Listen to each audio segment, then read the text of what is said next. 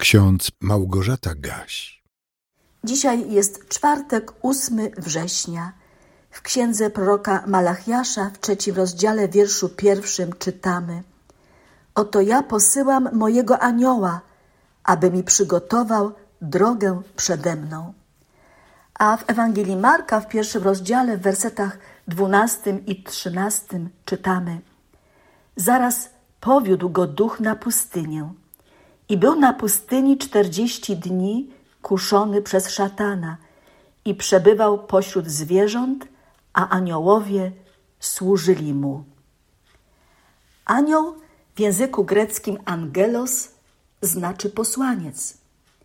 W Biblii aniołowie są przedstawiani jako wysłannicy Boga, istoty ponadnaturalne, które nagle i nieoczekiwanie pojawiają się, a reakcją ludzi na ich zjawienie się często jest lęk, ponieważ człowiek, widząc anioła, nie wie, co go spotka, co teraz usłyszy.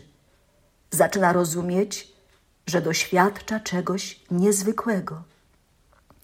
Aniołowie czasami pełnią rolę pośredników pomiędzy Bogiem a człowiekiem. Ich zadaniem jest przekazywanie wieści od Boga, ale też oddziaływanie na ludzi i nakłanianie ich do dobrych czynów. Aniołowie żyją w bliskości Boga, a przychodząc do konkretnego człowieka, najczęściej mają mu coś ważnego do przekazania, a potem w zaskakujący sposób znikają. Dzisiejsze wersety, zarówno ze Starego, jak i Nowego Testamentu, mówią nam o Jezusie, któremu usługiwali aniołowie Boży. Syn Boży, przebywając na ziemi w ludzkim ciele, potrzebował czasami wsparcia ze strony aniołów, posłańców Bożych. Pozwólcie, że przypomnę te sytuacje opisane w Ewangeliach, w których występują aniołowie, a ich zadaniem jest udzielenie stosownej pomocy Jezusowi z Nazaretu. Dla ludzi, którzy z nim obcowali, był wspaniałym nauczycielem, którego potrafili słuchać nawet przez kilka dni. Był też wspaniałym lekarzem, z którym nikt nie mógł się równać, bo on mocą z wysokości potrafił uwolnić ludzi nawet od śmiertelnych chorób, potrafił wskrzesić człowieka z martwych. Jezus był też wspaniałym przywódcą, bo przecież przewodził grupie dwunastu mężczyzn, swoich apostołów. Można go też nazwać psychoterapeutą, cudotwórcą i przyjacielem ludzi wykluczonych. Ale pomimo tego, że był synem Bożym, będąc na ziemi, został ograniczony ludzkim ciałem, a to oznacza, że doświadczał głodu, pragnienia, bólu, zarówno fizycznego, jak i psychicznego. Czasami się bał, jak na przykład w ogrodzie Getsemane. Czasami się wzruszał i płakał, jak na przykład przy grobie Łazarza, a czasami się złościł, okazywał swój gniew. Najlepszym przykładem jest wypędzenie handlarzy ze świątyni. Jezus był człowiekiem z krwi i kości, chociaż jednocześnie był synem Bożym, Bogiem, który w ludzkim ciele stąpił na ziemię. I przez te trzydzieści parę lat, jako człowiek, potrzebował też pomocy aniołów. Mówię też, bo my ludzie korzystamy z pomocy aniołów. Czy to sobie zawsze uświadamiamy? Czy za to Bogu dziękujemy? On posyła swoich aniołów, aby nas strzegli i ochraniali od różnych niebezpiecznych sytuacji, ale także by przekazywali nam różne wiadomości od Boga. Anioł Boży może przyjść do nas na przykład pod postacią człowieka. Tak było zawsze. Już w pierwszej księdze Mojżeszowej czytamy o tym, że trzej mężczyźni, którzy odwiedzają Abrahama i zapowiadają, co stanie się z Sodomą i Gomorą, są w istocie wysłannikami Boga Jahwe. Są aniołami.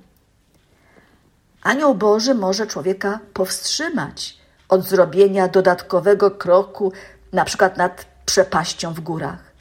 albo spowodować nagłą, właściwą reakcję kierowcy, któremu zagraża wypadek drogowy. Anioł stróż to ktoś, kogo bardzo potrzebujemy na co dzień. Ale pamiętajmy, że anioł to nie Pan Bóg. Dlatego nie modlimy się do anioła. Anioł jest tylko i aż wysłannikiem Boga, który przychodzi, by wypełnić zadanie zlecone mu przez Boga. Aniołowie są obecni w ziemskim życiu Jezusa od samego początku. Oni zwiastują pasterzom moment jego narodzin w Betlejem. Wcześniej anioł Gabriel posłany jest do Marii z Nazaretu, żeby mogła dowiedzieć się, że zostanie matką Zbawiciela. A nieco później Józef we śnie słyszy anioła pańskiego, który oznajmia mu, jakie imię ma otrzymać dziecko, które wkrótce jego żona urodzi. Również we śnie Józef jest powiadomiony przez anioła o tym, że musi uciekać wraz z Marią i Jezusem do Egiptu, bo król Herod wydał okrutny rozkaz. Ewangelista Marek w pierwszym rozdziale podaje nam, że kiedy Jezus przebywał na pustyni przez 40 dni i był kuszony przez szatana, aniołowie służyli mu.